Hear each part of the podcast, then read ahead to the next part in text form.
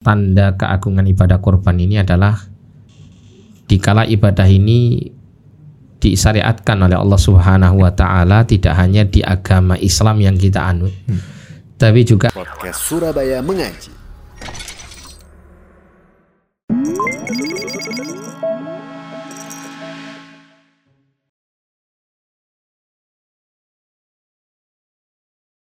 Bismillahirrahmanirrahim. Assalamualaikum warahmatullahi wabarakatuh. Alhamdulillah wassalatu wassalamu ala rasulillah ya ba'du.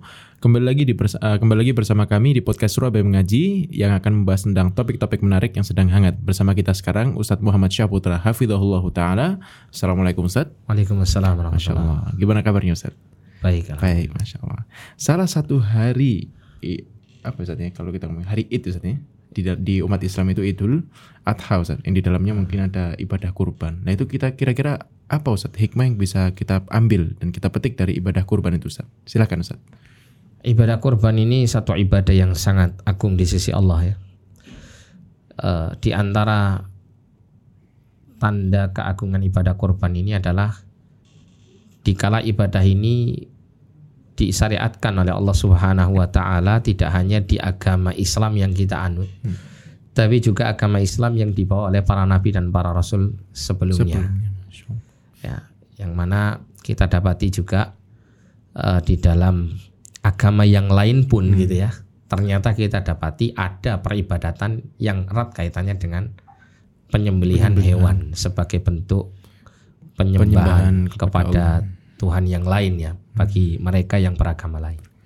Ini menandakan bahwasanya ibadah semacam kurban ini adalah ibadah yang sangat mulia. Dan di dalam Al-Qur'an Allah Subhanahu wa taala menyebutkan tentang tujuan kurban itu dilaksanakan. Itu adalah seperti yang Allah katakan dalam surah Al-Hajj ayat 37, Allah mengatakan lan yanalallaha luhumuha wala dima'uha walakin yanaluhu taqwa minkum. Kata Allah kan begitu. Tidaklah daging dan darah hewan kurban yang disembelih itu sampai kepada Allah. Hmm. artinya apa di sini? Allah tidak butuh persembahan kalian dengan penyembelihan hewan kurban kalian. Hmm. makanya kemudian setelah kita menyembelih hewan kurban setelah itu dagingnya kita Dimakan. santap sendiri, iya, kita bagi-bagikan kepada sanak saudara dan kerabat dan kawan-kawan sebagai hadiah dan kita sedekahkan kepada fakir miskin kan begitu ya. Iya, Apa yang sampai kepada Allah walakin yanaluhu taqwa minkum akan tetapi yang sampai kepada Allah adalah ketakwaan. Nah, inilah hikmah terbesar kita menjalankan ibadah kurban. Hmm. Kita mewujudkan takwa kepada Allah Subhanahu wa taala melalui ibadah yang mulia ini. Kemudian yang kedua ya, kalau kita tepatnya pada saat Idul Kurban ketika pelaksanaan penyembelihan kurban ini kita mesti teringat dengan seorang nabi beserta putranya yaitu nah. Nabi Ibrahim alaihissalam dan, dan Nabi, putranya Nabi, Nabi Ismail, Ismail alaihissalam. Yang mana ada sebuah kisah yang penuh dengan hikmah yang luar biasa.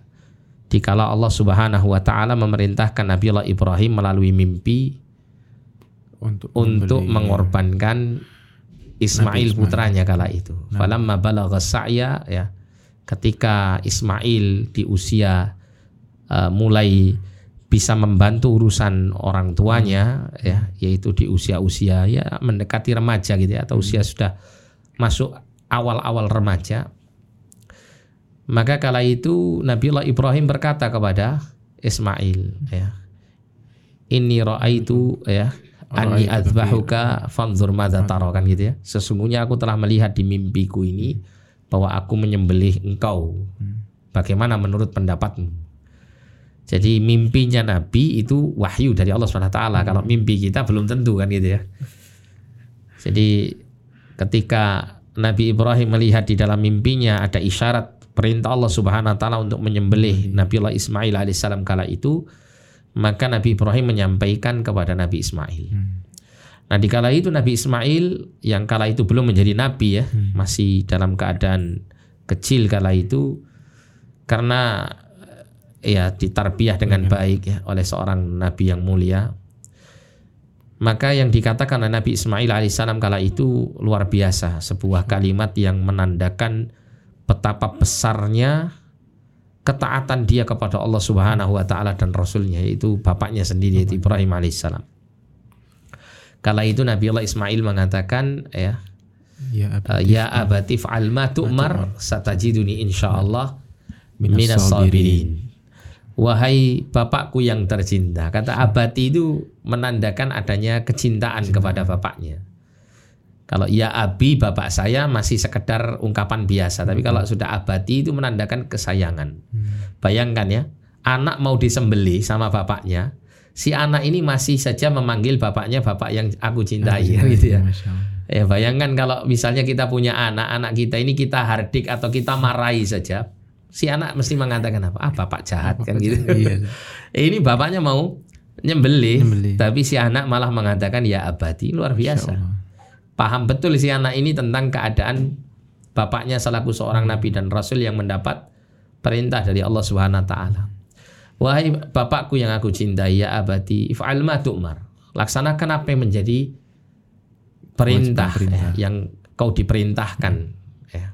Satajiduni insyaallah minas sabirin. Engkau akan mendapatiku insyaallah. Nah ini penting ini. Insyaallah ini maknanya adalah memohon pertolongan Allah Subhanahu wa taala.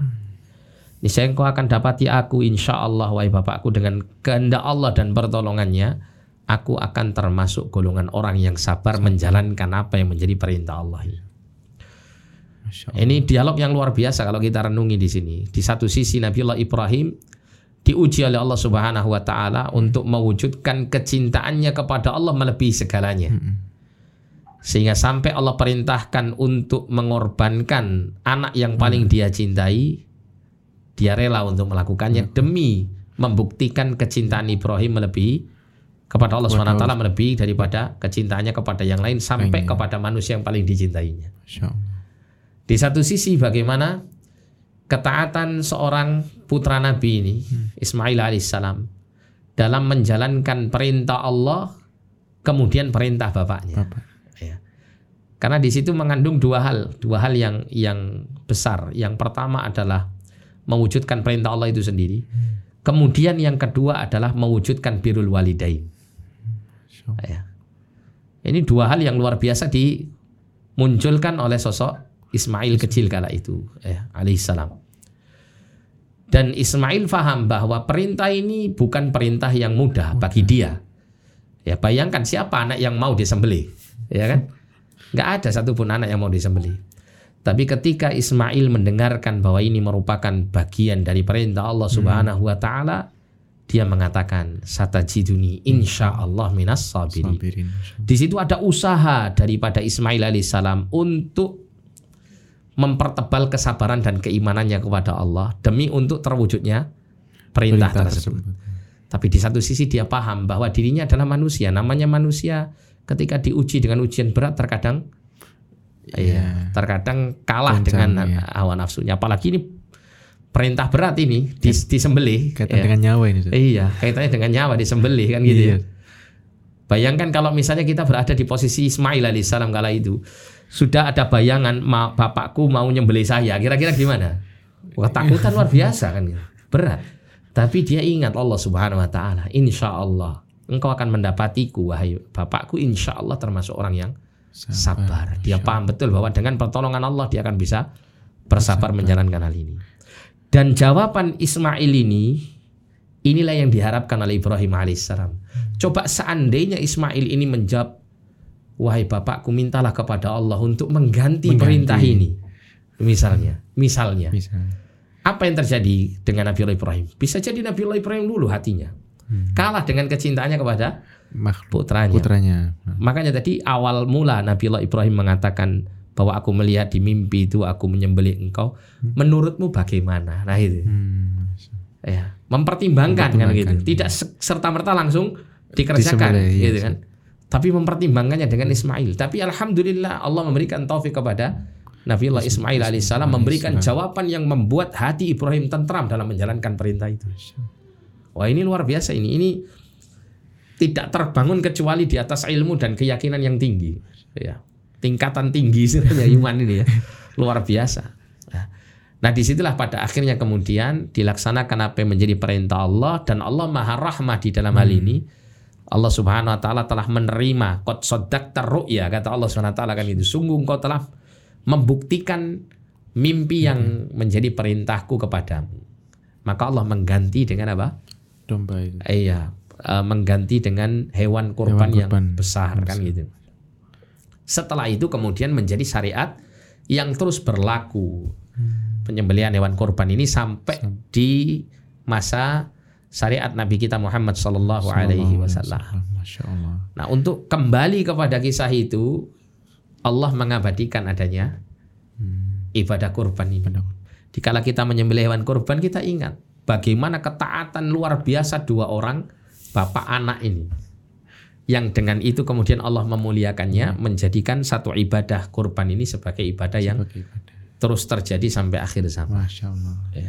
Nah, kaitan di ibadah kurban ini Ustadz, ada yang namanya hari tasyrik. Ah, maaf, di ya setelah ibadah kurban ya Ustadz ya. Iya. Setelah Idul Adha itu ada yang namanya hari tasyrik. Nah, itu apa Ustadz pengertiannya?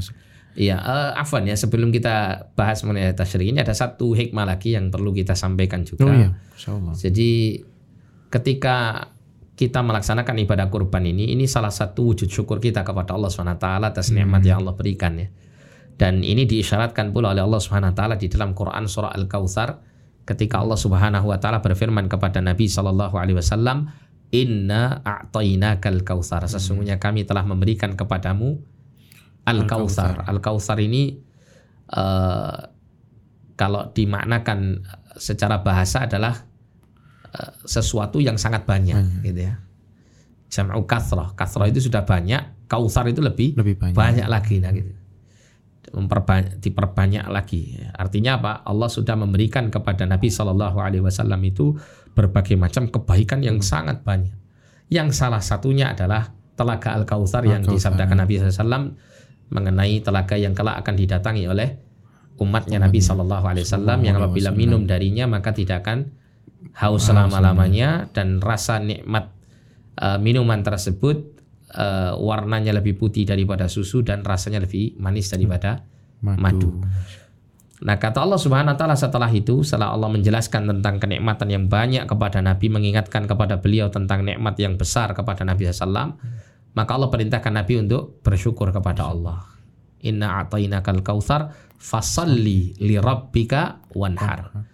Maka hendaklah engkau sholat dan sembelilah hewan kurban. Ban. Ada para ulama memberikan penafsiran sholat yang dimaksud di situ adalah Idul Adha, sholat Idul Adha. Kemudian penyembelihan hewan di situ adalah penyembelihan kurban. Yang mana dua hal ini dilaksanakan ya setelah penyebutan nikmat yang menandakan bahwa ini termasuk wujud syukur seorang hamba kepada Allah Subhanahu wa taala. Ya, secara khusus syukurnya Nabi Shallallahu alaihi wasallam diwujudkan dengan menjalankan perintah Allah ini salat Idul Adha sekaligus penyembelihan hewan penyembelihan kurban. Nah, sehingga eh, ketika kita diberikan kelebihan nikmat oleh Allah, kelebihan rezeki oleh Allah Subhanahu wa taala, selayaknya kita bersyukur dengan kita menyembelih hewan Menyembelih. kurban ini. Ya, Dengan demikian kita telah ya mewujudkan perintah Allah Subhanahu wa taala untuk bersyukur dan kita harus paham betul tentang kaitannya dengan syukur ini bahwa syukur ini adalah satu amal kebaikan yang tidak mudah dilakukan. Karena Allah sendiri mengatakan wa qalilun min ibadiyas syakur dan sedikit sekali dari hamba-hambaku yang banyak melakukan syukur kepada Kepada Allah. kepadaku. Masya Allah. Nah, eh, tadi berkaitan dengan tasyrik ya. Hari tasyrik, tasyrik itu kapan? Tasyrik itu hari setelah hari raya Idul Adha. Adha. Jadi kalau kita eh, lihat tanggalnya ya, hari Idul Adha itu adalah tanggal 10 Dzulhijjah. 10 Dzulhijjah. Kalau hari tasyrik itu 11, 12 dan 13. Hmm. 11, 12 dan 13 tiga hari setelah hari hari. Idul Adha. Hmm. Itu namanya hari Hari tasyrik. tasyrik. Iya. Itu apakah ada apa pengertian khusus tentang hari tasyrik Ustaz? Eh, hari tasyrik ini termasuk hari yang eh, mulia ya, termasuk hari yang mulia dan hari yang disyariatkan kita ini untuk makan dan minum. Tidak diperbolehkan kita untuk berpuasa, di Berpuasa. hari tersebut. Ya karena hari-hari itu adalah hari-hari makan dan minum kata Nabi Shallallahu Alaihi Wasallam. Ya, seperti dalam eh, sabdanya Nabi Shallallahu Alaihi Wasallam mengatakan ayyamu tasyrik ayyamu aklin wa syurbin wa dzikrillah. Jadi hari tasyrik itu adalah hari kita untuk makan-makan, minum-minum dan zikir kepada Zikir Allah swt. Ya, jadi tidak diperbolehkan di tiga hari tasyrik itu kita kemudian makan dan minum. Eh, apa berpuasa, maaf, berpuasa, berpuasa. ya, berpuasa. Kemudian di hari tasyrik itu kita masih tetap dibolehkan manakala kita belum mampu untuk melaksanakan ibadah kurban di tanggal 10 Zulhijjah di hari Idul Adha, maka tiga hari setelahnya ini adalah hari kita untuk menyembelih Menyembelih. hewan kurban di tanggal 11, 12 dan 13. Masih boleh Ustaz ya. Itu masih diperbolehkan. Ya. Dan di hari tersebut ya em, dianjurkan untuk kita memperbanyak takbir. Takbir, terutama setelah sholat fardu. Terutama setelah sholat fardu, ya sebelum kita berzikir kita bertakbir Allahu Akbar, Allahu Akbar, la ilaha illallah, Allahu Akbar, Allahu Akbar, walillahil hamid ya. Ya minimal sekali lah. Ya ketika kita selesai sholat fardu kita membaca takbir itu dengan dikeraskan suaranya. Ya. Masya Allah. Eh, ini setiap kali selesai salat fardu ya eh, dimulai eh, di ha- tanggal 10 tadi ya, 10 ya. yaitu Idul 10 Kurban sampai sampai kemudian tanggal 13. 13. Ya, 13 sebelum masuk Sebelum tenggelamnya matahari sebelum maghrib. maghrib, ya. Itu adalah hari di mana kita disunnahkan untuk banyak berzikir, banyak Hmm. bertakbir, kemudian juga masih diperbolehkan untuk kita menjalankan ibadah kurban. ibadah kurban. Ya, ibadah kurban. Masya Allah. Dan untuk di hari tasyrik itu apakah ada itu Zat? Apa doa-doa khusus gitu Zat? Eh, ada dalam Al-Quran, dalam Quran surah Al-Baqarah ya, dari mulai ayat 200 sampai 201 itu Allah menjelaskan tentang eh, kaitannya dengan doa ini ya, di hari tasyrik. Allah mengatakan, فَإِذَا قَضَيْتُمْ مَنَاسِكَكُمْ فَاذْكُرُوا اللَّهَ كَذِكْرِكُمْ آبَاءَكُمْ أَوْ أَشَدَّ ذِكْرًا فَمِنَ النَّاسِ مَنْ يَقُولُ رَبَّنَا آتِنَا فِي الدُّنْيَا وَمَا لَهُ فِي الْآخِرَةِ مِنْ خَلَقٍ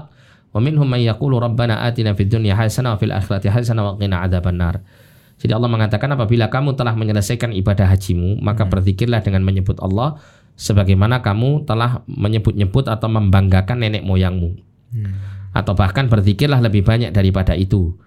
Maka di antara manusia ada orang yang berdoa, "Ya Tuhan kami, berilah kami kebaikan di dunia dan tiadalah baginya bagian yang menyenangkan di akhirat." Dia hanya minta kebaikan dunia saja. Hmm.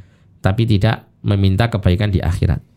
Nah, di antara mereka ada orang yang berdoa, Rabbana atina fid dunya hasanah wa fil akhirati hasanah wa qina adzabannar. Wahai Rabb kami, berikan kami kebaikan di dunia dan kebaikan di akhirat serta ya peliharalah kami dari siksa neraka. Nah, dari eh, rangkaian ayat ini ada eh, seorang tabi'in mengatakan ya, Ikrimah mengatakan kana yustahabbu an yud'a fi ayyamit tasyriq Rabbana atina fid dunya hasanah wa fil akhirati hasanah wa qina adzabannar. Ya, jadi disunahkan membaca doa pada hari tasyrik untuk kita memperbanyak berdoa di hari tasyrik adalah kalimat Rabbana atina fid dunya hasanah wa fil akhirati hasanah wa qina adzabannar. Doa Rabbana atina fid dunya hasanah fil akhirati hasanah wa qina adzabannar ini doa yang paling banyak diucapkan Nabi Shallallahu alaihi wasallam. Uh, sebagaimana riwayat Anas bin Malik mengatakan kana aktsaru du'ain Nabi sallallahu alaihi wasallam Allahumma rabbana atina fid dunya hasanah wa fil akhirati hasanah wa qina adzabannar atau sering disebut dengan istilah doa sapu jagat Sapu jagat ya. ya, doa sapu jagat. Iya, karena semua kebaikan hidup di dunia maupun di akhirat Dapat- kita minta kita minta. kan gitu. Insyaallah. Taib Ustaz, jazakumullah khairan Ustaz atas penjelasannya.